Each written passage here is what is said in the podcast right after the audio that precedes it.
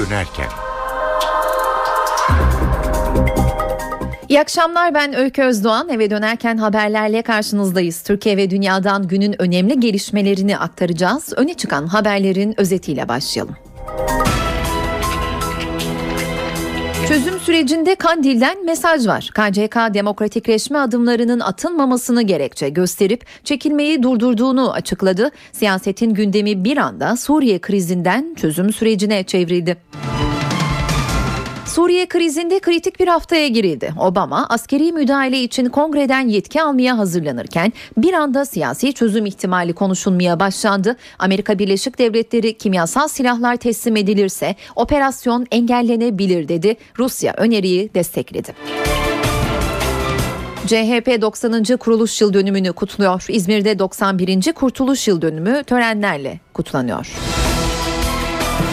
ODTÜ'deki başörtü gerginliği soruşturması konusu, soruşturma konusu oldu. YÖK Başkanı olayla ilgili soruşturma başlattık. Hiçbir öğrenci ayrımcılığa maruz kalmamalı dedi. Zorunlu askerlik hizmeti yapanların ailelerine 250 lira sosyal yardım uygulaması başlıyor.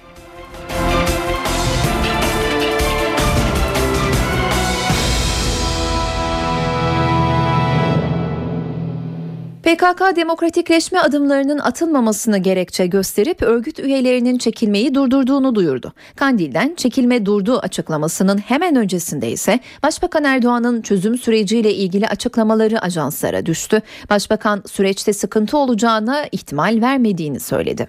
Çözüm süreci AK Parti'nin oyunu arttırdı. Açıklama Başbakan Recep Tayyip Erdoğan'a ait. Arjantin dönüş uçakta gazetecilere açıklamalarda bulunan başbakan son anketlere göre Güneydoğu'da AK Parti'nin oyunun %55, BDP'nin ise %35 olduğunu söyledi. Mevcut çalışmaya göre partimize yerel seçim için genel destek çok iyi. %50'nin üzerinde görünüyoruz. 81 ilde yapılan anketimize göre Güneydoğu'da da durumumuz çok iyi. Adaylar açıklandığında bunun daha da yükselmesi söz konusu olabilir. Bazen üzerine katkı sağlayacak, karşılığı olan veya şehri ve teşkilatı tümden kucaklayacak adaylar çıkaramayabiliyoruz. Geçmişte Şanlıurfa ve Van'da bu tarz hatalarımız oldu. Başbakan Kandil ve BDP'den gelen PKK'nın çekilme süreciyle ilgili açıklamaları da değerlendirdi. Sanki iyi polis kötü polisi oynuyorlar dedi.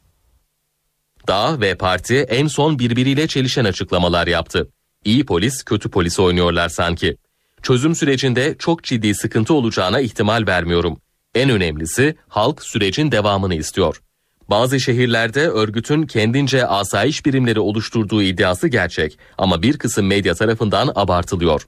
Örgüte bazı katılımlar olduğu da doğru ama bunun propagandasını yapıyorlar. Başbakanın gündeminde yerel seçimler de vardı. Erdoğan, üçüncü dönemini dolduran bazı bakanların belediye başkanlığı için aday gösterilebileceğini söyledi. Üçüncü dönemi dolduran arkadaşlarımızdan aday gösterebiliriz. Bazı vilayetlerde vekil veya bakan arkadaşlardan aday belirleyebiliriz. Vekillerin adaylık halinde görevlerinden istifa etmelerine gerek yok. Seçilirlerse istifa etmeleri gerekiyor. Ancak bakanlar için aday olmaları halinde istifa etmeleri gerekiyor. Tabii bunlar risk ama bu riski göze almak gerekiyor. Bazı iller buna değer. Günün manşeti çözüm süreciyle ilgili. PKK demokratikleşme adımlarının atılmamasını gerekçe gösterip örgüt üyelerinin çekilmeyi durdurduğunu duyurdu. Açıklama örgüte yakın internet sitesinde yayınlandı. Gerekçe hükümetin demokratikleşme ve Kürt sorununun çözümü konusunda adım atmaması. Çekilme durdu ancak eylemsizlik kararı devam edecek. Çekilme durdu. Peki süreç tıkandı ya da bitti mi? Bu konuda DTK Başkanı Ahmet Türk'ten bir açıklama geldi. Türk geri çekilmenin durdurulmasının sürecin bittiği anlamına gelmediğini söyledi. Burada hükümetin adım atmasını talep eden bir yaklaşım biçimi var. Yani eğer karşı taraf hiçbir şey yapmıyorsa birilerinde fazla yapacakları bir şey yok. Şimdi ne yapacağını bilmediğiniz zaman bütün güçlerinizi çıkardığınızda ondan sonra bir hayal kırıklığı Kürtler yaşayacaktır. Burada güçlerinin çıkarılmaması veya durdurulması e, bu sürecin bozulması anlamına gelmez. Ya ben öyle yorumlamıyorum, öyle bakmıyorum. Ben böyle de bakıldığına inanmıyorum. Ancak hükümetin gerçekten niyetinin ortaya çıkması için bir karardır, bir beklemedir, bir bekleyip görme anlayışıdır. Öyle değerlendirmek istiyorum. Zaten diğer taraftan da eğer hükümet gerçekten barışçıl süreçle ilgili e, Kürtleri tatmin edecek bir proje ortaya koyarsa bu süreç işleyecektir. Arkasında da bu var yani. Ama sürece yanıt vermeyen bir hükümet karşısında da kendisini gözden geçirmedir, pozisyon alma durumu olarak değerlendirmek gerekiyor diye düşünüyorum. Başkentte PKK'nın geri çekilmeyi durdurduk açıklaması tartışılıyor. Hükümetten konuyla ilgili ilk değerlendirme Başbakan Yardımcısı Bekir Bozdağ'dan geldi. Bozdağ terör örgütü ne yapacaksa kendi bileceği iştir ama Türkiye kendi yapması gerekenleri yapacaktır dedi. Muhalefetse tepkili. Hükümet demokratikleşme ve Kürt sorununun çözümü konusunda adım atmadığı için 8 Mayıs'ta başlattığımız çekilmeyi durdurduk. KCK Yürütme Konseyi Eş Başkanlığından gelen bu açıklama siyasette yankı buldu. Hükümetten konuyla ilgili ilk değerlendirme Başbakan Yardımcısı Bekir Bozdağ'dan geldi. Bozdağ, terör örgütü ne yapacaksa kendi bileceği bir iştir. Ama Türkiye kendi yapması gerekenleri yapacaktır dedi. Başbakan Yardımcısı Türkiye'nin her türlü alternatife dönük tedbirleri bulunduğunun altını çizdi. Terör bitene kadar çalışmalarımızı, mücadelemizi sürdüreceğiz ifadesini kullandı. CHP gelişmelerden kaygı duyduğunu açıkladı. Biz artık yani gerçeklerin bu kadar ayan beyan ortada iken böyle söylemlerle geçiştirilmesini e, Türk halkına karşı bir e, saygısızlık olarak görüyorum ben. E, Sayın Başbakan bu konuları ciddiye almalıdır. Sayın Başbakan bu konuda daha ciddi açıklamalar yapmalıdır. Bu çözüm süreci karşı tarafın e, iddia ettiği veya ileri sürüldüğü gibi e, bitmek üzereyse e, bunun faturası sizlere bizlere Türk halkına çıkacak. Ve Hatay'dan ilginç bir asayiş haberi Genelkurmay Başkanlığı tarafından PKK'lıların işi olarak duyuruldu. Genelkurmay açıklamasına göre Hatay'da Dahar Yaylası mevkiinde 3 kişinin içinde bulunduğu aracı durduran 4 PKK'lı araçta bulunan çocuğu rehin aldı. Anne babaya da 1000 liralık erzak listesi verdi. Aile listede yer alan gıda maddelerini temin edip örgüt üyelerine teslim etti. PKK'lılar da çocuğu serbest bıraktı. Yaklaşan yerel seçimler öncesinde BDP beklenen kararını ilan etti. Halkların Demokratik Kongresi 2014 yerel seçimlerine Doğu ve Güneydoğu'da BDP, Batı illerinde HDP ile girecek. BDP eş genel başkanı Gülten Kışanak, BDP-HDP işbirliğinin Türkiye siyasi tarihinde yepyeni kulvar açacak bir sürecin başlangıcı olduğunu ifade etti. Bütçeyi halk yapacak, kadınların ve gençlerin ortak kararıyla kentimizi ve kendimizi biz yöneteceğiz dedi. NTV Radyo Suriye'ye harekat için Amerikalıları ve kongre üyelerini ikna etmeye çalışan Obama bu akşam 6 televizyon kanalında halka seslenecek. Suriye lideri Beşar Esad ise Amerikan medyasına Obama'dan önce konuştu. Kimyasal silah kullanmadıklarını söyleyen Esad, harekat olursa her türlü karşılığı beklemelisiniz dedi. Suriye Devlet Başkanı Beşar Esad, ülkesine yönelik askeri müdahalenin tartışıldığı bir sırada sert konuştu. Amerikan CBS kanalına konuşan Esad, karşılık vereceklerini yineledi ve her şeyi beklemelisiniz ifadesini kullandı. Her şeyi beklemelisiniz. Sadece hükümetten değil. Bu bölgede hükümetler tek oyuncu değil. Farklı taraflar, farklı fraksiyonlar, farklı ideolojiler var. So uh, you have to expect that.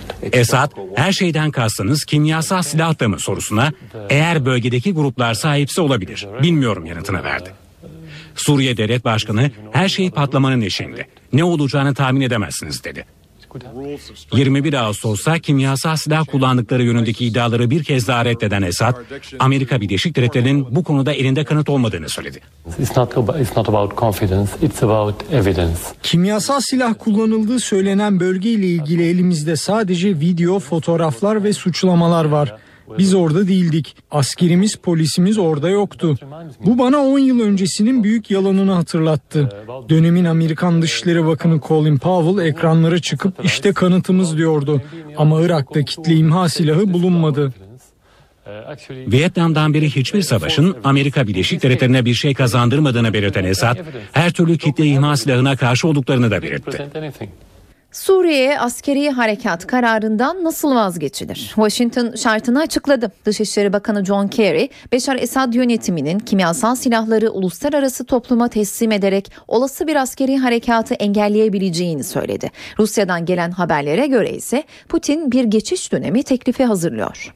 Esad kimyasal silahları gelecek hafta teslim ederse müdahale olmayabilir. Açıklama Amerika Birleşik Devletleri Dışişleri Bakanı John Kerry'den geldi. Kerry Londra'da İngiliz mevkidaşı William Hague ile düzenlediği basın toplantısında konuştu. Elindeki tüm kimyasal silahları gelecek hafta uluslararası topluma devredebilir ama bunu yapmayacağı da açık. Kerry, kimyasal saldırı emrini Şam rejiminin verdiğinden emin olduklarını vurguladı. Suriye'deki kimyasal silahlar çok sıkı bir şekilde Esad rejiminin kontrolünde. Kimyasal silahların kontrolü ve kullanım yetkisi tamamen Beşar Esad, kardeşi Mahir Esad ve bir generalin elinde. Amerika Birleşik Devletleri Dışişleri Bakanı harekete geçmemek, harekete geçmekten daha riskli dedi. Rusya ise Suriye krizine barışçıl çözüm bulmak için yeni bir formül üzerinde çalışıyor. Devlet Başkanı Vladimir Putin'in formülü, Esad yönetiminin kimyasal silahlardan arındırılması ve Esad'ın aday olmadığı devlet başkanı seçimine gidilmesini içeriyor. Moskova'da Suriyeli mevkidaşı Velid El Muallim'i ağırlayan Rusya Dışişleri Bakanı Sergey Lavrov, Amerikan yönetimine barışçıl çözüm üzerinde çalışmalarını tavsiye etti. Gittikçe daha fazla siyasi lider askeri senaryonun Suriye ve komşu ülkelerdeki terörizmi tırmandıracağı konusundaki görüşlerimizi paylaşıyor. Mültecilerin sayısı daha da artacak. Suriye Dışişleri Bakanı da Esad yönetiminin ön koşulsuz Cenevre konferansına katılmaya hazır olduğunu belirtti.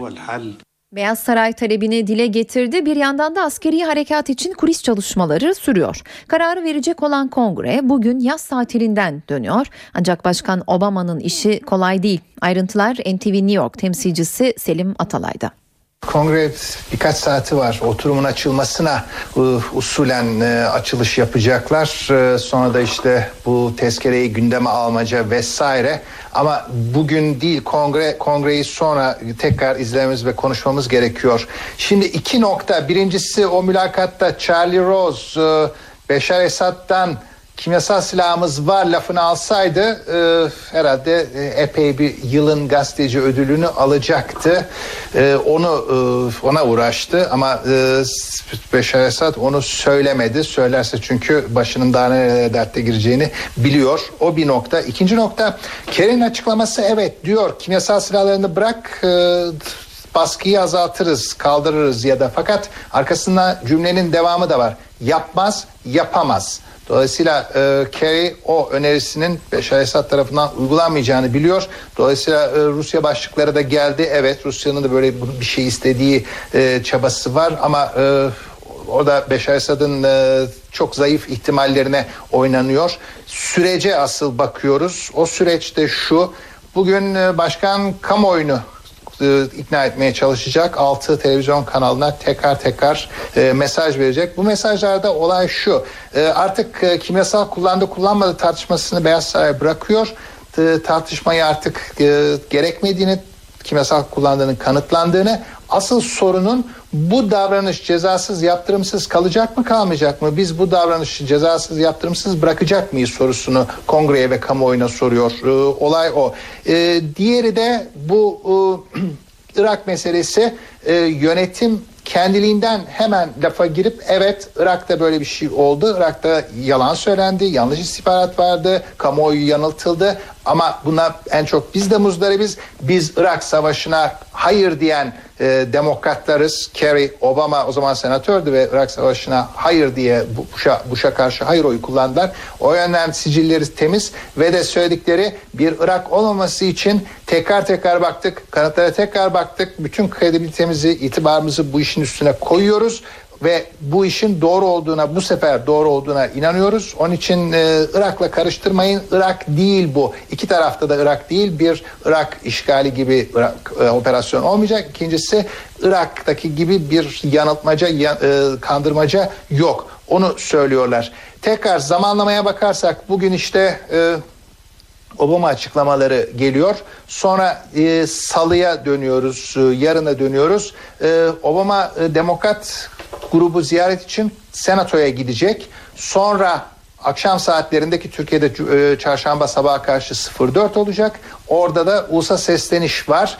E, ulusa seslenişten sonraki gün e, tekrar çarşamba Amerika'da e, Türkiye'de akşam saatleri olabilir. E, Senato'nun oylaması ihtimali var. Bu genel kurulun oylaması lazım e, gerekiyor bu e, tezkereyi. Temsilciler Meclisi tarafı hala soru işareti ve tekrar Obama'nın bu işte daha ne kadar ısrar edeceği de tartışmalı. Çünkü e, kongrede belirgin bir direniş var. Bu direniş parti çizgisinde değil. Her e, kez her kongre üyesi, milletvekili, senatör e, kendi kişisel tercihini kullanıyor. Seçmenden aman gidin Suriye'yi vurun diye bir e, talep yok. Tam aksine seçmen ne olduğunu bilmediği bir e, harekatla karşı karşıya ve seçmen tepki gösteriyor. Girmeyin ya da vurmayın ya da vuracaksanız 2-3 gün ne işe yarayacak soruları da soruyor. O yüzden e, Obama şu an e, ipte bir denge numarası yapıyor fakat e, yürüdüğü yerde e, sirk değil e, Niagara şelalesinin üzerinde Amerika'dan Kanada'ya yürüyorlar ya öyle bir şey. Suriye krizinde gelinen son durumu Orta Doğu Teknik Üniversitesi'nden Uluslararası İlişkiler Bölümü öğretim üyesi Profesör Hüseyin Bağcı ile konuşacağız. Sayın Bağcı yayınımıza hoş geldiniz. Teşekkürler Öykü Hanım. E, bugünkü açıklamaları göz önünde bulundurduğunuzda Suriye için yeni bir Cenevre formülü işletilebilir mi sizce? E, Cenevre formülü pek e, işlemediği gibi E, ancak e, bugün John Kerry'nin Amerikan Dışişleri Bakanı'nın bir makalesi yayınlandı Alman Die gazetesinde. Orada e, Vietnam Savaşı'na katıldığını, Vietnam Savaşı'na sonradan karşı olduğunu, Irak Savaşı'na da karşı olduğunu söylüyor. Ancak bu defa Suriye konusunda savaşa karşı olmasına rağmen kimyasal silah kullandığı için Beşar Esad'a bir ceza verilmesi gerektiğini söylüyor ve bunu yaparken de vicdanını dinlediğini söylüyor. Tabi bu e, biraz vicdan biraz da cüzdan hesabı çünkü e, Obama'nın kafasındaki en büyük zorluk e, oraya müdahalede bulunduğu zaman ortaya çıkacak maliyetin e, Arap ülkeleri tarafından mı yoksa Amerika Birleşik Devletleri tarafından mı ödeneceği. Bir de tabii en e, çarpıcı nokta e, özellikle Amerika Birleşik Devletleri'nin karaya asker çıkarmama konusundaki e, tavrı.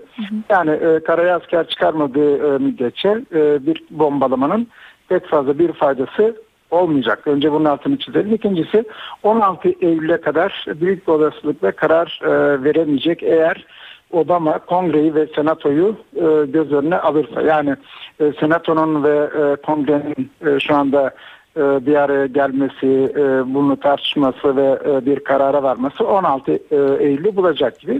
Yani nereden bakarsanız bakın bir hafta daha e, vakit e, var gibi. Bu arada tabii e, Suriye e, Suriye konusunda Rusya'nın e, yeni önerileri var. E, kimyasal silahların e, çıkarılması e, konusunda şu sıralarda büyük bir olasılıkla ABD ile e, Rusya e, müzakere ediyorlar. Yani özellikle uluslararası kuruluşlar açısından bakıldığında Moskova bir uluslararası kontrol arayışı içerisinde kimyasal silahlarla ilgili olarak bu sadece Suriye değil tüm dünyaya yönelik bir girişim aynı zamanda. Çünkü kimyasal silahlar sadece e, Suriye'nin elinde değil birçok ülkede var. E, 1900'lü yıllardan beri e, kimyasal silahların kullanmamasıyla kullanılmamasıyla ilgili olarak birçok anlaşma var. E, yüz, yüzden fazla ülke zaten bunu e, destekliyor ama ona rağmen kimyasal silahlar e, kullanılıyor. O nedenle e, ya tamamen kimyasal silah kavramını e, literatürden e, kaldırmak lazım yoksa e, oraya bir tokat buraya iki tokatla bu işler e, çözümlenmeyecek. Kaldı ki kimyasal silahları üreten ve kullananlar da genelde e, Avrupalı ülkeler ve Amerika Birleşik Devletleri bu Vietnam Savaşı'ndan evvel e, İkinci Dünya Savaşı'nda en büyük silah zaten nükleer silah. Yani Amerika Birleşik Devletleri Hiroşima ve Nagasaki'ye bombayı attı. Bir günde 400 bin kişinin e, ölümüne neden oldu ve kimse de Amerika Birleşik Devletleri'ni cezalandırmadı. Yani hesabı açmaya kalkarsanız e, Amerika borçlu çıkacak gibi. Ama bugün gelinen noktada, bugün gelinen noktada Obama'nın gerçekten e, başkanlığı e, gündemde yani e, bir başkan niye karar veremiyor şeklinde e, eleştiriler başladı. E, Obama e, kendi kendini bir noktada e, angaje etmiş durumda. Çünkü İslam'la bir e, barışma süreci e, yaşadı. E, George W. Bush'tan sonra e, İslam dünyasına e, şirin e, gözükmek istedi ve e, İslami hareketlere de büyük e, sempati e, gösterdi. Şimdi e, sonuç itibariyle Suriye bir Müslüman ülke. Suriye'ye e, yaptığı müdahale e, bölge ülkelerine de e, yansıyacak. İran zaten işin içerisinde. Yani e, nereden bakarsanız bakın e, filmin yeniden başlaması gibi Amerika Orta Doğu'da e, bir değil e, yani bir bomba bile attığı takdirde Orta Doğu'da bunun e, bölgesel yansımaları çok fazla olacak. O nedenle e, ya vicdanını dinleyecekler e, bu kararı verirken veyahut da e, ak- aklını e, kullanacak. Kaldı ki e, kendisinin özel kalem müdürü olan e, şahıs da bugün yaptığı açıklamada e, vicdandan çok ortak aklın e, bir sonucunda bir karar vermek gerekiyor şeklinde bir açıklamada bulundu. Peki Sayın E, ama Bağcı- kimyasal silahların kullanılması tabii e, bir vaka. Onu tartışmıyoruz. Yani silahlar kullanıldı ve bunun herhangi bir şekilde bedelinin ödenmesi gerekiyor. Peki şunu da soralım. Türkiye'nin tavrını nasıl değerlendiriyorsunuz? Sizce Türkiye Gönüllüler Koalisyonu'nda yer alabilir mi ve ne talep edilir Türkiye'den? Türkiye e, her çeşit koalisyona gireceğini deklare etti Başbakan ağzıyla. E, bunun anlamı şudur. E, Amerika Birleşik Devletleri'nin önderliğinde oluşabilecek olan bir koalisyonda Türkiye yer alacak. Zaten Türk hükümeti başından itibaren e, kimyasal e, silahların kullanıldığı konusunda e, Beşar Esad rejimine sürekli baskı yapıyor. Ama tabii bu arada unutmamak lazım. E, Türkiye'nin de e, Suriye'deki iç savaşta doğrudan ve dolaylı e, sorumluluğu var. Ama bugün gelinen e, noktada e, Beşar Esad'ın devre dışı bırakılması tabii e, Türk hükümetinin e, lehine. Çünkü 3 yıldır e, Beşar Esad'ın gitmesi üzerine politika yapan bir e, hükümet var. E, Beşar Esad'ın iktidarda kaldığı her gün Türk hükümeti için başarısızlık olarak e, görülüyor. Bu açıdan e, en önemli e, şey, e, sorun e, burada.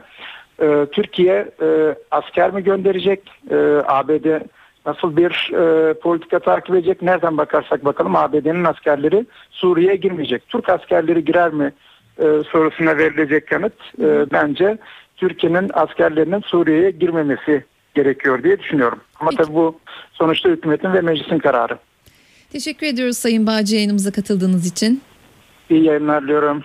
Saat 18.27 ben Öykü Özdoğan eve dönerken de günün öne çıkan diğer gelişmeleriyle karşınızdayız. Ana muhalefet partisi CHP Irak'ın ardından bugün de Mısır'a gidiyor. Genel Başkan Yardımcısı Faruk Loğlu ve Osman Koru Türk'ten oluşan heyet bu akşam Mısır'da olacak. Mısır temasları ile ilgili bilgi veren Faruk Loğlu, Mısır Dışişleri Bakanı ve bazı parti başkanlarıyla görüşeceklerini söyledi. Mısır'a e, Türk halkının dostluğunu, kardeşliğini, sevgisini ve dayanışma isterini götürüyoruz. CHP bu kez Mısır yolcusu. Genel Başkan Yardımcısı Faruk Loğlu ile Osman Korutürk'ten oluşan CHP heyeti darbe sonrası oluşan yeni yönetimle temaslarda bulunacak. Mısır Dışişleri Bakanı ile görüşmemiz var. Eski Dışişleri Bakanı ve Kongre Partisi'nin başkanı e, Amr Musa ile görüşmemiz var. E, Sosyal Demokrat Parti Başkanı Muhammed Abu Elgar ile görüşmemiz var. E, Ahrar Mısır Ahrar Partisi'nin başkanı Ahmet Said ile görüşmemiz var. Faruk Loğlu CHP bu ziyaretle darbeye destek veriyor eleştirilerini yanıtladı. Cumhuriyet Halk Partisi ne zaman darbe yanlısı olmuştur ki bu eleştiriler bu şekilde hafif e, böyle e, biraz da komik e, e, söylemlerle e, gündeme e, getiriliyor. Hükümetin yapması gereken e, girişimlerinin e, çoğunu biz yapmak durumunda kalıyoruz. Loğlu halen gözaltında tutulan eski Cumhurbaşkanı Mursi ile görüşme taleplerinin olduğunu ancak henüz bir gelişme olmadığını söyledi. Görüşmelerde tutuklu TRT muhabiri Metin Turan'ın serbest bırakılmasını da gündeme getireceklerini belirtti. Döndüğümüzde yaptığımız temasların, edindiğimiz izlenimlerin ve olabilecek e, önerilerimizi e, Dışişleri Bakanlığı'na bir rapor halinde e, sunacağız. Faruk Loğlu Mısır'dan sonra Gazze'ye de gitme niyetleri olduğunu ancak takvimlenmiş bir ziyaretin henüz gündemde olmadığını söyledi.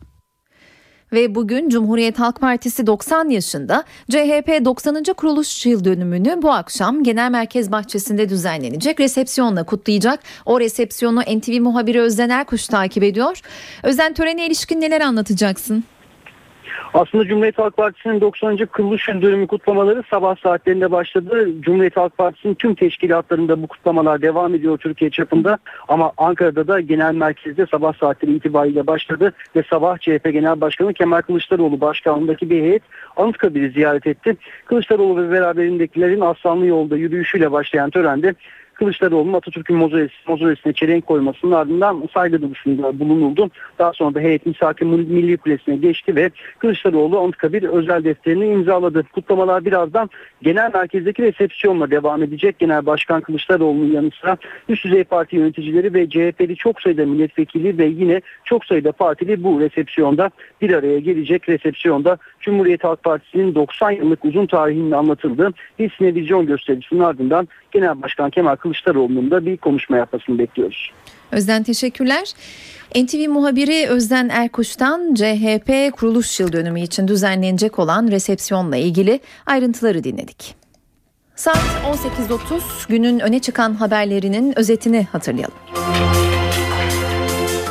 Çözüm sürecinde Kandil'den mesaj var. KCK demokratikleşme adımlarının atılmamasını gerekçe gösterip çekilmeyi durdurduğunu açıkladı. Siyasetin gündemi bir anda Suriye krizinden çözüm sürecine çevrildi. Suriye krizinde kritik bir haftaya girildi. Obama askeri müdahale için kongreden yetki almaya hazırlanırken bir anda siyasi çözüm ihtimali konuşulmaya başlandı. Amerika Birleşik Devletleri kimyasal silahlar teslim edilirse operasyon engellenebilir dedi. Rusya öneriyi destekledi. CHP 90. kuruluş yıl dönümünü kutluyor. İzmir'de 91. kurtuluş yıl dönümünü törenlerle kutluyor. ODTÜ'deki başörtü gerginliği soruşturma konusu oldu. YÖK Başkanı olayla ilgili soruşturma başlattık. Hiçbir öğrenci ayrımcılığa maruz kalmamalı dedi. Zorunlu askerlik hizmeti yapanların ailelerine 250 lira sosyal yardım uygulaması başlıyor. Günün manşeti çözüm süreciyle ilgili PKK demokratikleşme adımlarının atılmamasını gerekçe gösterip örgüt üyelerinin çekilmeyi durdurduğunu duyurdu. Açıklama örgüte yakın internet sitesinde yayınlandı. Gerekçe hükümetin demokratikleşme ve Kürt sorununun çözümü konusunda adım atmaması. Çekilme durdu ancak eylemsizlik kararı devam edecek. Çekilme durdu peki süreç tıkandı ya da bitti mi? Bu konuda DTK Başkanı Ahmet Türk'ten bir açıklama geldi. Türk geri çekilmenin durdurulmasının sürecin bittiği anlamına gelmediğini söyledi. Burada hükümetin adım atmasını talep eden bir yaklaşım biçimi var. Yani eğer karşı taraf hiçbir şey yapmıyorsa birilerinde fazla yapacakları bir şey yok. Şimdi ne yapacağını bilmediğiniz zaman bütün güçlerinizi çıkardığınızda ondan sonra bir hayal kırıklığı Kürtler yaşayacaktır. Burada güçlerinin çıkarılmaması veya durdurulması e, bu sürecin bozulması anlamına gelmez. Ya ben öyle yorumlamıyorum, öyle bakmıyorum. Ben böyle de bakıldığına inanmıyorum. Ancak hükümetin gerçekten niyetinin ortaya çıkması için bir karardır, bir beklemedir, bir bekleyip görme anlayışıdır. Öyle değerlendirmek istiyorum. Zaten diğer taraftan da eğer hükümet gerçekten barışçıl süreçle ilgili e, Kürtleri tatmin edecek bir proje ortaya koyarsa bu süreç işleyecektir. Arkasında da bu var yani. Ama sürece yanıt vermeyen bir hükümet karşısında da kendisini gözden geçirmedir, pozisyon alma durumu olarak değerlendirmek gerekiyor diye düşünüyorum. Suriye'ye harekat için Amerikalıları ve kongre üyelerini ikna etmeye çalışan Obama bu akşam 6 televizyon kanalında halka seslenecek. Suriye lideri Beşar Esad ise Amerikan medyasına Obama'dan önce konuştu. Kimyasal silah kullanmadıklarını söyleyen Esad, harekat olursa her türlü karşılığı beklemelisiniz dedi. Suriye Devlet Başkanı Beşar Esad, ülkesine yönelik askeri müdahalenin tartışıldığı bir sırada sert konuştu. Amerikan CBS kanalına konuşan Esad, karşılık vereceklerini yineledi ve her şeyi beklemelisiniz ifadesini kullandı. Her şeyi beklemelisiniz. Sadece hükümetten değil. Bu bölgede hükümetler tek oyuncu değil. Farklı taraflar, farklı fraksiyonlar, farklı ideolojiler var. Esad her şeyden kastınız kimyasal silah da mı sorusuna eğer bölgedeki gruplar sahipse olabilir. Bilmiyorum yanıtını verdi. Suriye Devlet Başkanı her şey patlamanın eşiğinde. Ne olacağını tahmin edemezsiniz dedi. 21 Ağustos'ta kimyasal silah kullandıkları yönündeki iddiaları bir kez daha reddeden Esad, Amerika Birleşik Devletleri'nin bu konuda elinde kanıt olmadığını söyledi. Kimyasal silah kullanıldığı söylenen bölgeyle ilgili elimizde sadece video, fotoğraflar ve suçlamalar var. Biz orada değildik. Askerimiz, polisimiz orada yoktu. Bu bana 10 yıl öncesinin büyük yalanını hatırlattı. Dönemin Amerikan Dışişleri Bakanı Colin Powell ekranlara çıkıp işte kanıtımız diyordu. Ama Irak'ta kitle imha silahı bulunmadı. Vietnam'dan beri hiçbir savaşın Amerika Birleşik Devletleri'ne bir şey kazandırmadığını belirten Esad, her türlü kitle imha silahına karşı olduklarını da belirtti. Ankara'ya geçelim. 28 Şubat davasında bugünkü duruşmadan notları NTV muhabiri Gökhan Gerçek'ten alacağız. Gökhan iddianame bitti mi? Son durum nedir? Daha uzun süre okunacağı benziyor. Oldukça yavaş ilerleyen bir süreç olduğunu söyleyebiliriz. İddianame okunmadan dava tam olarak başlamayacak ama 100 sayfa 100 sayfa gidiyor. 1309 sayfalık bir iddianame geçen hafta 250. sayfada kalınmıştı. Bugün okunmaya devam edildi. 146 sayfa daha okundu. Yani önümüzde oldukça uzun bir sürecin daha olduğunu söyleyebiliriz iddianamenin okunması açısından. Bir handikap daha var. İddianame okunacak. Ara vermeden duruşmalar devam edecek ama 28 Şubat davasının görüldüğü Ankara 13. Ağır Ceza Mahkemesi bir önemli davaya daha bakacak. Turgut Özal'a suikast davası e, bu davanın ilk duruşması çarşamba günü yapılacak. Dava sebebiyle 28 Şubat e, davasının iddianame okuma işlemine ara verileceğini söyleyebiliriz. Evet 103 sanıklı bir dava 75'i tutuklu yargılanmaya başladı ama henüz mahkeme tarafından iddianame kabul edilir edilmez 38 sanık tahliye edilmişti. Cezaevinde kaldıkları süre ve suç vasfı gözü önünde bulundurularak e, bu oldukça ilginç bir e, değerlendirmeydi mahkeme açısından. E, sürecin başlaması için ilk savunmaların yapılması gerekiyordu. Herkes ara kararın yani tahliye taleplerin e, bu e, ilk savunmaların yapılmasının ardından vereceğini düşünüyordu. Ancak mahkeme bunu da yapmadı. Geçtiğimiz hafta başlayan duruşmada 10 sanığın yine cezaevinde bulundukları süre yaş durumları ve sağlık durumlarını göz önünde bulundurarak e, tahliyelerine karar verdi. E, yaş yaşları oldukça geçkin isimler Zira 28 Şubat sürecinde general olan isimler birçoğu 16 yıl geçti davanın üzerinden birçoğu bu nedenle 65-70 yaşın üzerinde rahatsızlıkları sebebiyle bu gerekçeleri öne sürerek tahliye talep ettiler.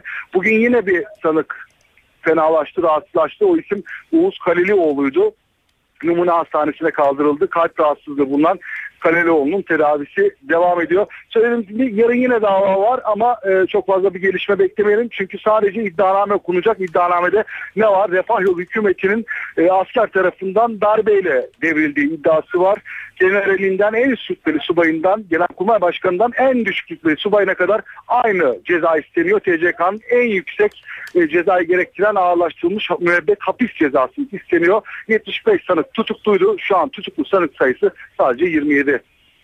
Gökhan teşekkürler. NTV muhabiri Gökhan gerçekten 28 Şubat davası ile ilgili ayrıntıları dinledik. ODTÜ'de başörtülü öğrencilere sözlü tepki gösteren öğrenciler hakkında soruşturma açıldı. YÖK Başkanı Gökhan Çetinsay'a hiçbir öğrencinin ayrımcılığa maruz kalmaması gerektiğine vurgu yaptı.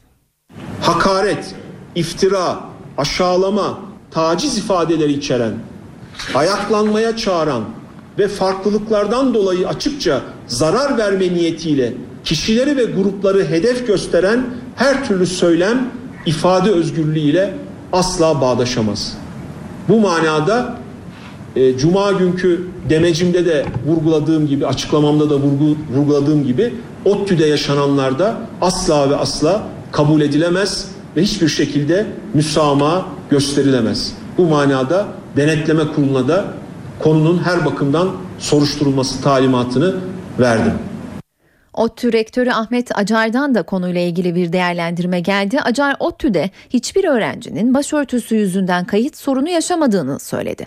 Acar herhangi bir öğrencimizin kılık kıyafeti nedeniyle kayıtlarda sorun yaşaması diye bir şey ODTÜ'de söz konusu olamaz. Bu yıl 3600 öğrenci kaydettik. Bunlardan onlarcasının başı örtülüdür. Keza halen eğitim gören başörtülü öğrencilerimiz var. Hiçbir mağduriyet yaşamıyorlar dedi.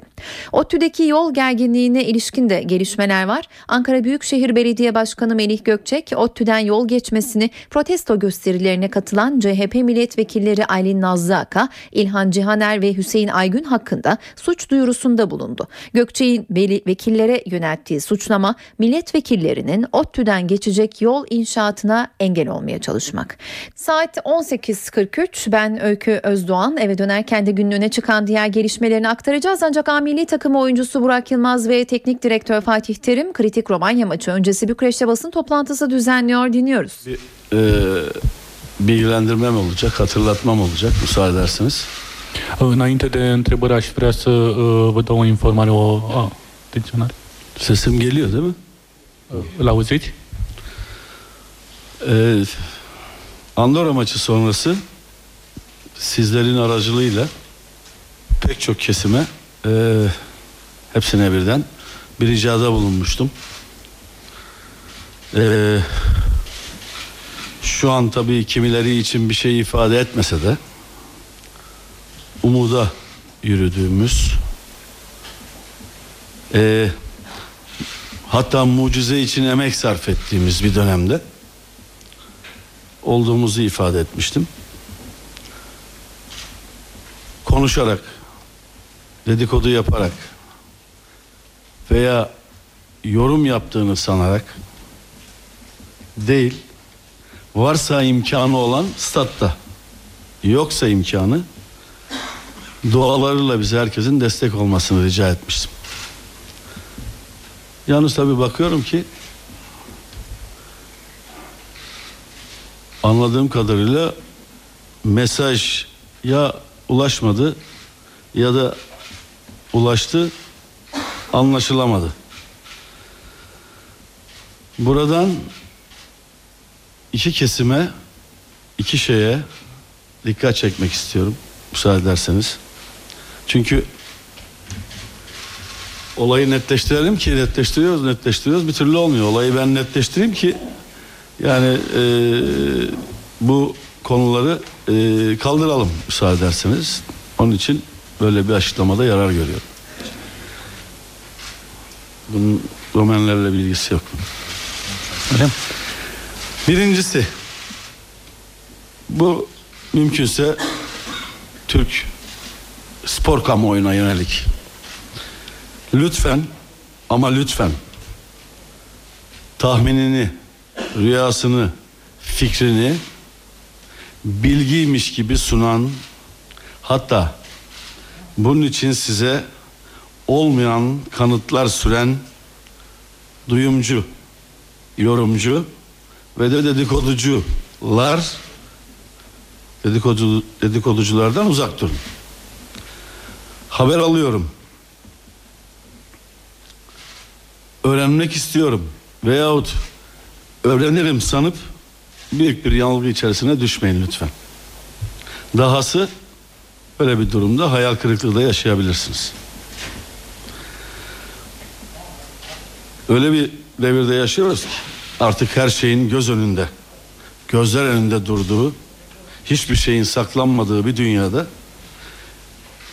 bilmeniz gereken her şey birinci elden, birinci şahıstan zaten size anlatılıyor.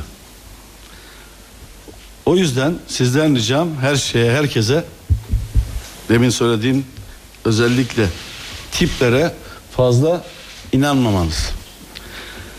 İkincisi e, medya yöneticilerine sesleniyorum. Kanallarınızda futbolu bildiğini iddia eden, iyi niyetli olmayan, haberci kimliğine bürünmüş, kısa vadede size reyting getiriyormuş gibi duran kimseler olabilir. Ancak uzun vadede Türk futboluna ve kanalınıza veya kanalınızın itibarına zarar veren kişileri ya yayınların, yayınlarınızdan uzaklaştırın ya da ek iş verin yanınızda. Çünkü işi gücü olmayan bazı kimseler bu pozisyonları pozisyonları gereği hak etmedikleri bir yer, bir yer işgal ettiklerinden ve dahası insanları kandıracakları bir ortam bulduklarından aktarmaları için bir fırsat doğmuş oluyor. Tabi sizler de bunun bir parçası oluyorsunuz. Yıllardır birbirimizi tanıyoruz. Sanılmasın ki eleştiriye açık değiliz. Yapıcı, katma değer sağlayıcı önerilere, bilgili harman, harmanlanmış fikirlere hepsini açığız. Hiçbir zaman bu konularda kapılarımızı kapatmadık. Aksine beni tanıyanlar çok daha iyi bilirler ki ben hiç olmadığı kadar açık ve bu konularda şeffafım. Ancak sabrın da bir sınırı var. Bakıyorum SOS vermeye başladı. Onun için böyle bir uyarıda bulunmak istedim. Çünkü maça 24 saat var. Maça 48 saat var. Hocamıza veya oyuncularımıza bir şey tesir etmesin. İyi niyetli davranalım. Bir maçtan sonrayı bekleyelim.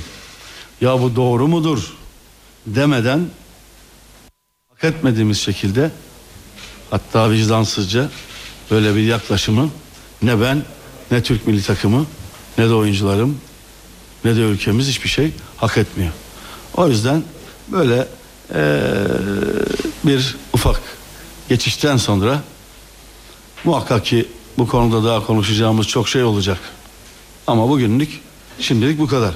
Maça gelecek olursak. Özür diliyorum Romen basınından. Uh, își cere scuze de la presa turcească. A fost o atenționare și o rugăminte de la presa din uh, Turcia uh, referitor uh, la faptul să divulge numai informații din surse ilgilendiren bir konuydu. Era un Maça gelince lor. e, demin de başka konuyu ifade ederken söyledim. Bir mucize arayışı içerisindeyiz. Referitor la beci, m-am- v-am spus și mai devreme, căutăm o minune. Yarın Romanya'nın bizi yenmesi veya berabere kalması halinde ne olacağını hepimiz çok rahat biliyoruz. Cu toții suntem conștienți de ce se va întâmpla în cazul în care uh, vom fi învinși mâine de către România sau dacă vom, va fi un rezultat egal. Ee, ancak iki şeyi biz çok net oyuncularımıza anlatıyoruz. Bir tanesi hata yapmaktan korkmamaları, bir tanesi de yenilmekten korkmamaları. Dolayısıyla ee, zaten kaybedeceğimizi kaybetmişiz. Bundan sonra da çekineceğimiz herhangi bir şey olmaz. Çıkıp oynayacağız. Romen milli takımının son yıllardaki en güçlü Romen milli takımı olduğunu söyleyebiliriz. Le-am, Özellikle Macaristan maçında çok çok iyi oynadılar. Ee, işimiz seyirci beraber kolay değil. Ancak ben oyuncularıma güveniyorum. Însă le-am, le-am reamintit uh, tuturor jucătorilor mei să nu le fie frică de două lucruri, să nu le fie frică de de greșeli și să nu le fie frică de înfrângere, deoarece nu avem ce pierdere. Uh, Eu am încredere în jucătorii mei. Selec... Dacă aveți întrebări? Da, selecționerul uh, României spunea astăzi că și dacă veți învinge mâine seară, domnule Terim, uh, nu mai, mai aveți șanse imposibile de calificare la baraj. Cât de mult credeți în șansele de calificare? N-a zis că sunt șanse imposibile.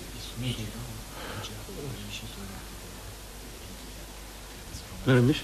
Uh, Romanya milli takımın hocası uh, yenseniz dahi uh, şanslarınızın oldukça düşük olduğunu söyledi uh, baraja gitmek için. Ee, ben onu şöyle düzelteyim.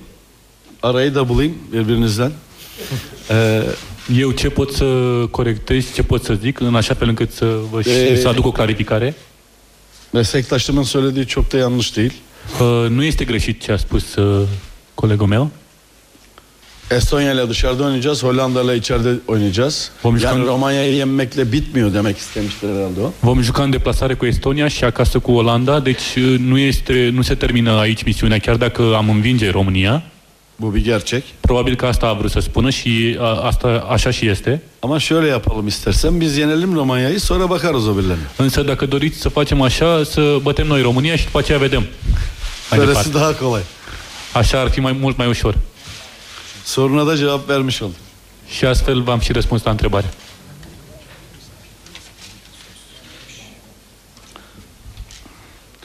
Ee, ayrıca da e, meslektaşım Piturka'ya buradan sevgilerimi çok da güzel bir Romanya milli takımı yapmış. Kendisini tebrik ederim. Benim hakkımdaki düşüncelerine de sonsuz teşekkür ederim. De asemenea, îl și felicit pe Pițurcă pentru uh, echipa pe care a format-o, uh, pentru echipa națională și îi și mulțumesc pentru gândurile bune. Buyurun İsmail Bey. Hocam maç öncesi derim Ee, zor günde umutsuzluğa kapıldığımız bir dönemde göreve geldiniz. Gerçekten futbolcular moral ve motivasyon olarak oldukça biz de hem medya olarak hem taraftar olarak umutsuzca bir e, olayın peşindeydik. Fakat Andorra maçıyla tekrar heyecanlandık. Tekrar e, bir coşku seline kapıldık. E, Romanya gibi grubun en iddialı, en önemli takımı karşısında e, Andorra karşısında e, Andorra maçından sonra Arda ve e, Selçuk rahatsızlık geçirdi. E, antrenmanlara çıkmadılar ve e, böylesi önemli karşılaşmada Romanya maçı öncesi takımda eksikliğini hissettiğiniz oyuncu var mı? Ve bu karşılaşmayla ilgili olarak bu oyuncuların böylesi iddialı bir rakip karşısında nasıl motive olduğu? Biz e, Romanya'nın gruptaki hakkını veriyoruz. Saygı duyuyoruz rakibimize. Bizden de avantajlı olduklarını biliyoruz. Sadece Romanya'nın galibiyeti değil, beraberlik de Romanya'ya yarayabilir. Ama bizi hedeflerimizden uzaklaştırır. Avrupa Şampiyonası'na yavaş yavaş hazırlıklara gireriz. Romanya'nın böyle de bir avantajı var. Şimdi tabii burada maçtan sonra e, ishal ve grip 7-8 tane oyuncumuz. Ancak o kadar konsantre olmuşlar ki o kadar istiyorlar ki inşallah bu sonuca yansır. Hiçbiri bunu şikayet olarak getirmedi. Sadece dün Arda ile Gökhan Gönül antrenmana çıkamadılar. Bugün çıkacak mısınız diye sordurmadılar dahi. Ee, şu anda bunu gündeme getirecek bir oyuncu Türk milli takımında yok zaten. Dolayısıyla her oyuncum hazır. Her oyuncum görev bekliyor. Türk milli takımında da hiçbir dönem böyle bir oyuncu olmayacaktır. Bu maçlardan zevk alan, kaçmayan, tam tersi kaybetme korkusunu kazanma arzusuna dönüştürmeyi isteyen bir milli takım görecek herkes. Kazanır kaybeder ama eee gruba baktığımız zaman bizim Romenlerden şöyle bir avantajımız var. Biz kaybetmeye zaten yani eee, şu ana kadar kaybetmekten yana hiç ne diyelim eee, şansımız kazanmaktan yana olmamış, kaybetmekten yana olmuş. Eee, grupta kötü duruma gelmişiz. Yani eee, neredeyse hakikaten bir mucize var. Ve eee, dolayısıyla oyuncularımızın çekineceği herhangi bir şey yok. Ama arzusu isteği beni son derece memnun ediyor. O yüzden çok şükür bugün eğer son antrenmanda bir şey olmazsa herhangi bir sakatımız yok.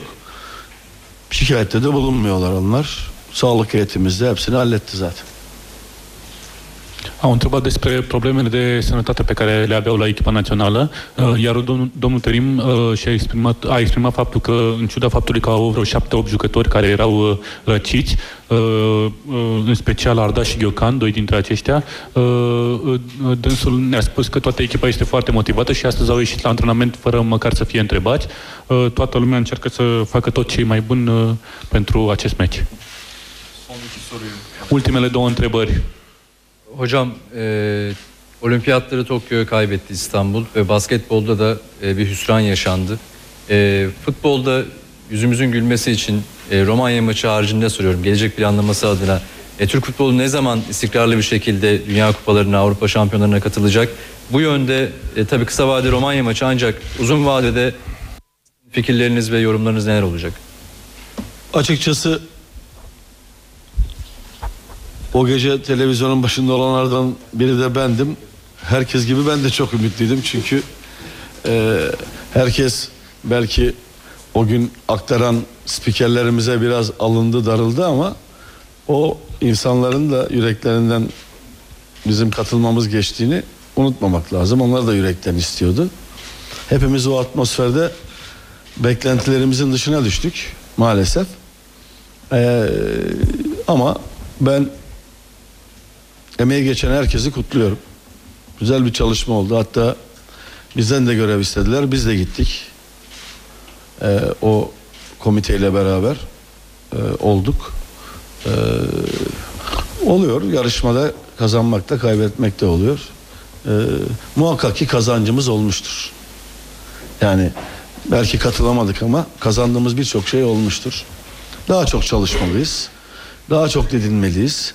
Neden kaybettiğimizi, neden alamadığımızı belki 5-6 kişi bir araya otursak daha net konuşabiliriz neden almadığımızı ama ülkece bunu tekrar tahlil etmeliyiz. Yarınki kritik Romanya maçı öncesinde milli takım teknik direktörü Fatih Terim öncesinde Burak Yılmaz'la birlikte bir basın toplantısı düzenledi. Biz de bir bölümünü canlı olarak aktardık. Hemen hatırlatalım. NTV Radyo'dan yarın Romanya maçını saat 21'de canlı olarak dinleyebilirsiniz. Saatler 19'u gösteriyor. Eve dönerken haberlerin bu bölümüne günün öne çıkan gelişmelerinin özetiyle başlıyoruz.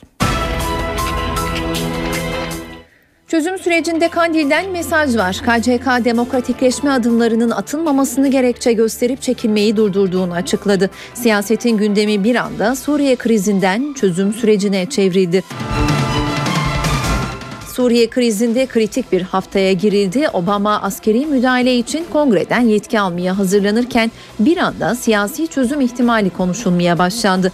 Amerika Birleşik Devletleri kimyasal silahlar teslim edilirse operasyon engellenebilir dedi. Rusya öneriyi destekledi. Şam çağrıya uyacaklarını söyledi.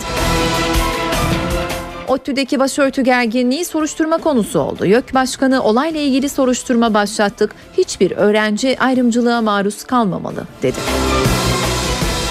Zorunlu askerlik hizmeti yapanların ailelerine 250 lira sosyal yardım uygulaması başlıyor. Yeni saate Suriye başlığıyla giriş yapalım. Rusya, Suriye'nin Amerika'nın önerisini kabul ederek kimyasal silahlarını uluslararası topluma teslim etmesini istedi. Rusya Dışişleri Bakanı Sergey Lavrov, eğer askeri harekatı engelleyecekse Suriye kimyasal silahlarını teslim etmeli dedi. Bu öneriyi Suriye Dışişleri Bakanı Velid Muallim'e ilettiğini anlatan Lavrov, hızlı ve olumlu bir yanıt beklediğini vurguladı. Suriye Dışişleri Bakanı Velid, kimyasal silahların uluslararası kontrol mekanizmalarına teslim edilmesi çağrısına uyacağız. Bunu memnuniyetle karşılıyoruz dedi. Bugün Londra'da konuşan Amerikan Dışişleri Bakanı Kerry, Esad bir hafta içinde kimyasal silahları uluslararası topluma devrederse askeri harekata gerek kalmayabilir demişti. Sıcak bir gelişmeyi aktaralım hemen. Birleşmiş Milletler Genel Sekreteri Ban Ki-moon Suriye kriziyle ilgili önemli bir açıklama yaptı. Moon kimyasal depoların yol edilmesini istiyoruz. Rusya'nın teklifi memnuniyet verici. Silahların teslim edilmesi için Suriye teşvik edilmeli dedi. NTV Radyo Günün manşeti çözüm süreciyle ilgili PKK demokratikleşme adımlarının atılmamasını gerekçe gösterip örgüt üyelerinin çekilmeyi durdurduğunu duyurdu. Açıklama örgüte yakın internet sitesinde yayınlandı. Gerekçe hükümetin demokratikleşme ve Kürt sorununun çözümü konusunda adım atmaması. Çekilme durdu ancak eylemsizlik kararı devam edecek. Çekilme durdu peki süreç tıkandı ya da bitti mi? Bu konuda DTK Başkanı Ahmet Türk'ten bir açıklama geldi. Türk geri çekilmenin durdurulmasının sürecin bittiği anlamına gelmediğini söyledi. Burada hükümetin adım atmasını talep eden bir yaklaşım biçimi var. Yani eğer karşı taraf hiçbir şey yapmıyorsa birilerinde fazla yapacakları bir şey yok.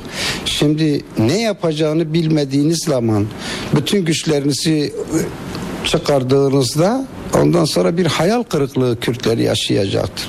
Burada güçlerinin çıkarılmaması veya durdurulması e, bu sürecin bozulması anlamına gelmez.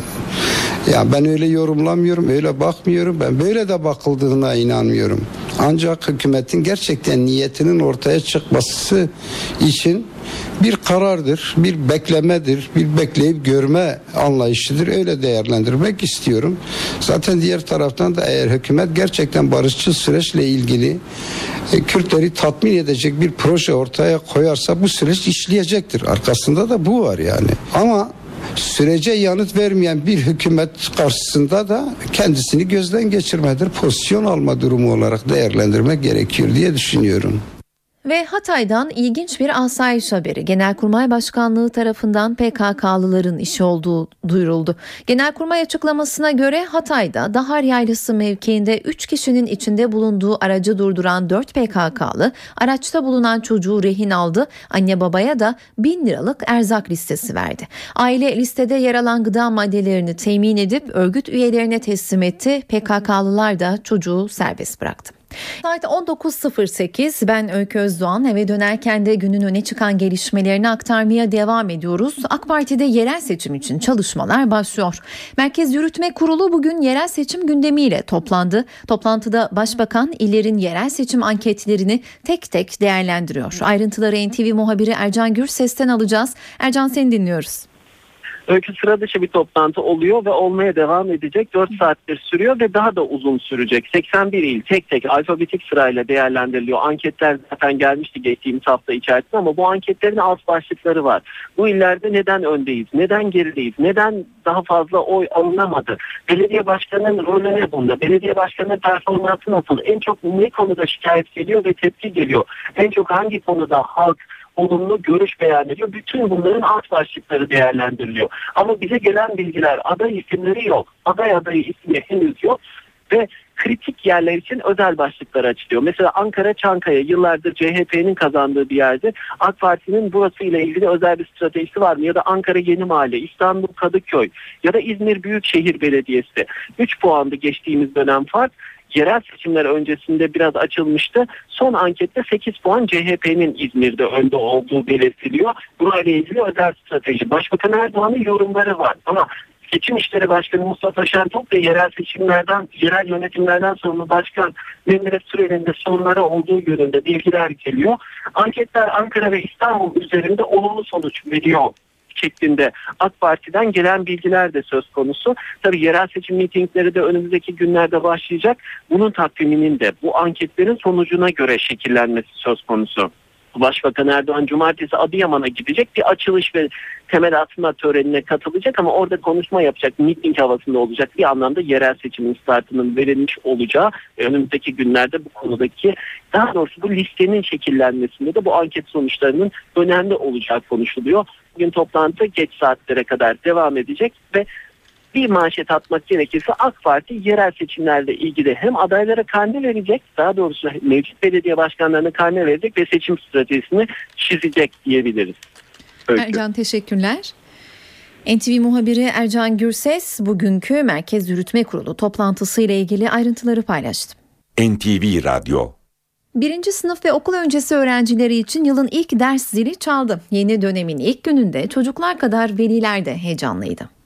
Onlar için okul başladı. Anaokulu ve ilkokul birinci sınıfa başlayan minik öğrenciler uyum programı için ilk kez okuldaydı. Çok iyi geçiyor. Herkes ne güzel. Bu kadar. Heyecanlıyım. Hiçbir şey yapmak istemem ama heyecanlıyım okula girmek istiyorum. Beslenme çantamı da ta önceden almıştım. Suluğumu da annem almış. Lütfen şimdi sizleri arka alana alalım. Öğrencilerimizi Veliler de en az çocuklara kadar heyecanlı. Yeni arkadaşlar, yeni bir öğretmen. Ee, yeni bir yıla başlayacağız. Çocuklardan çok herhalde biz heyecanlıyız. Ee, umarım yeni öğretim yılı hayırlı olur. İlk kez sınıflarına çıkan öğrencilerden kimi gözyaşlarına hakim olur. Annem nerede? Ben annemi göremedim. Annen gelecek ama. Milli Eğitim Bakanı Nabi Avcı da uyum programı kapsamında İstanbul Ataşehir'de Halil Atamavcı İlkokulu'ndaydı. Bu uyum sürecinde okullarını tanıyacaklar, öğretmenlerini tanıyacaklar. Okula olan ilk temaslarında olabildiğince olumlu izlenimler edinmelerini sağlamak için biz de elimizden geleni yapıyoruz. Yeni eğitim ve öğretim yılı 16 Eylül'de başlayacak. Milli Eğitim Bakanlığı 87 branşta 40 bin öğretmenin atamasını yaptı. Atama için 99 bin kişi başvurdu. En çok atama yapılan bölümler 5014 kişiyle İngilizce, 3880 kişiyle din kültürü ve ahlak bilgisi öğretmenliği. 40 bin öğretmen 11 Eylül çarşamba günü işbaşı yapacak. Yeni öğretmenler tebligat beklemeksizin atandıkları ilin Milli Eğitim Müdürlüğü'ne başvurup göreve başlayabilecek. Atama sonuçları atama.meb.gov gov.tr adresinden öğrenilebilir. Oğlu veya eşi askerde olan muhtaç ailelere aylık 250 lira maaş yardımı uygulaması yarın başlıyor. İlk etapta 17 bin aileye maaş ödemesi yapılacak. Evladı askerde olan, kendisi de ihtiyaç sahibi olan ailelere çocuğu askerde olduğu süre boyunca düzenli olarak ayda 250 lira ödemeye başlıyoruz. Müjdeyi Başbakan Recep Tayyip Erdoğan bu sözlerle vermişti. Muhtaç asker ailelerine yardım programında 4 ay süren çalışmalar tamamlandı. Eşi veya oğlu askerde olan muhtaç ailelere aylık 250 liralık maaş yardımı yapılacak. İlk ödeme yarın. Aile ve Sosyal Politikalar Bakanlığı'nın yürüttüğü projeye yaklaşık 80 bin asker ailesi başvuru yaptı. İlk etapta 17.221 aile aylık 250 liralık yardım almaya hak kazandı. Bakanlık yetkilileri 62.779 başvurunun incelenmelerinin ise devam ettiğini bildirdi. Projeden yararlanmak isteyen ailelerin il ve ilçelerde sosyal yardımlaşma ve dayanışma vakıflarına başvurması gerekiyor. Silah altındaki er ve erbaş, evli ve eşinin sosyal güvencesi yoksa, muhtaçlık kararı alınmışsa bu maaştan yararlanabiliyor. Kişi bekarsa anne ve babasının sosyal güvencesine bakılıyor. Ekonomiden haberlere geçelim. Türkiye İstatistik Kurumu yılın ikinci yarısına ilişkin sanayi üretimi verilerini açıkladı. Temmuz'da takvim etkisinden arındırılmış sanayi üretimi geçen yılın aynı dönemine göre %4,5 oranında arttı. Dolar biraz düştü ama 2 lira bandının altına inmedi. Para ve sermaye piyasalarında bugünkü tabloyu CNBC'den Enis Şener'den aktarıyor. İyi akşamlar. Küresel piyasalarda toparlanma var. Suriye'ye düzenlenecek operasyonun kısa süreli ve sınırlı olacağı beklentisi borsaları destekliyor. Borsa İstanbul'da bu olumlu havadan etkilenerek günü %3.65 gibi güçlü bir yükselişle 69.689 seviyesinden tamamlamayı başardı. Endeks gözünü bir kez daha 70.000 seviyesine dikmiş durumda. Analistlere göre yükselişin devam etmesi için ABD Merkez Bankası Fed'den de piyasa dostu açıklamalar gelmesi gerekiyor. İyimserlik TL'yi de desteklemiş durumda. Dolar TL 2.03'ün altına geriledi ve günü 2.0270 seviyesinden tamamladı. Merkez Bankası'nın tek günlük ek sıkılaştırma yapması ve 200 milyon dolarlık döviz satış ihalesi düzenlemesi TL'ye destek oldu. Tahvil tarafında da faizler geriliyor. Gösterge faiz %9.50'nin altına geriledi. Gelişmiş ülke piyasalarında ise Avrupa tarafında sınırlı kayıpları takip ettik. Wall Street'te ise açılış pozitif bölgeden gerçekleşti ve Nasdaq endeksi 2000 yılından bu yana en yüksek seviyeye çıktı. Euro dolara baktığımızda paritenin 1.32'yi aştığını görüyoruz. Analistler Avrupa'da zayıflıkların devam ettiğine dikkat çekiyor ve yükseliş için alanı sınırlı olabileceği uyarısını yapıyor. NTV Radyo Başbakan Recep Tayyip Erdoğan, Arjantin'den Türkiye'ye dönüşünde uçakta gazetecilerin olimpiyatlara ilişkin sorularını yanıtladı. Erdoğan'ın sözlerinde Uluslararası Olimpiyat Komitesi'ne sitem vardı. Tokyo. Başbakan Recep Tayyip Erdoğan 2020 Olimpiyat oyunları için Tokyo'yu seçen Uluslararası Olimpiyat Komitesi'ne tepki gösterdi. Tokyo'nun 2020'yi hak etmediğini söyledi. Ne diyeyim hakları değildi ki önümüzdeki 6 yılda her şey değişebilir. Tokyo, Madrid daha önce almıştı. Londra düzenlemişti, İstanbul almamıştı. Adil davranılmadı. 1,5 milyarlık İslam dünyasıyla bağları da kesip atıyorlar. Başbakan Erdoğan oyunlara sponsor olan büyük firmaların oylamada etkili olduklarını savundu. Bunda Senegalli Uluslararası Atletizm Federasyonu Başkanı'nın da rolü var. Kendisi olimpiyat için açıktan Tokyo'yu destekledi. Senegal Başbakanı ile konuştum, sonra kendisiyle de görüştüm. Bana sponsor firmalar nedeniyle onlara borçluyuz dedi. Böyle şey olmaz. Başbakan doping konusunda da sporcuları uyardı. Doping konusunda çok daha hassas olmamız, sağlam durmamız lazım. Aslında bunların bir kısmı bilinçli doping değil, beslenme veya ilaç kullanma hataları. Biz dopinge karşı sıfır tolerans dedik ve çalışmalarımızı başlattık. Kim buna tevessül ederse spor hayatı biter. Erdoğan, olimpiyat yatırımları için ayırdıkları kaynakların bir bölümünü sporcu yetiştirmeye harcayacaklarını kaydetti. Şimdi sıra günün öne çıkan spor haberlerinde. 2020 Olimpiyat oyunlarına ev sahipliği yapma hakkını kaybeden İstanbul gözünü 2020 Avrupa Futbol Şampiyonası'na çevirdi. Euro 2020'nin yarı final ve final maçında ev sahipliği yapmak için başvuruda bulunmaya hazırlanan Almanya ise bu yarışta İstanbul lehine çekileceklerini açıkladı. 2020 Olimpiyat oyunlarına ev sahipliği yapma hakkını kaybeden İstanbul, 2020 Avrupa Futbol Şampiyonası'nda yarı final ve final maçlarını düzenlemek için başvuruda bulunmaya hazırlanıyor. Avrupa'nın 13 ayrı şehrinde oynanması planlanan turnuvanın yarı final ve finaline ev sahipliği yapmak için Türkiye ile birlikte girişimde bulunan federasyonlardan biri de Almanya'ydı. Ancak Alman Futbol Federasyonu Başkanı Wolfgang Niersbach bu yarışta İstanbul lehine çekileceklerini açıkladı. Münih için öngördükleri başvuruyu yapmayacaklarını açıklayan Niersbach, Euro 2020 finali için Türkiye ile doğrudan bir düelloya girmeyeceğiz açıklamasında bulundu ve bu konuda UEFA Başkanı Michel Platini ile sözleştiklerini ifade etti. Niersbach'ın açıklamalarının ardından Avrupa Futbol Şampiyonası'nda yarı final ve final maçlarının İstanbul'da oynanması beklentisi daha da arttı. Zira Euro 2020'nin Türkiye'de düzenlenmesini isteyen UEFA, İstanbul'un olimpiyat oyunları adaylığı nedeniyle turnuvayı Avrupa'nın dört bir yanındaki şehirlere dağıtma kararı almıştı.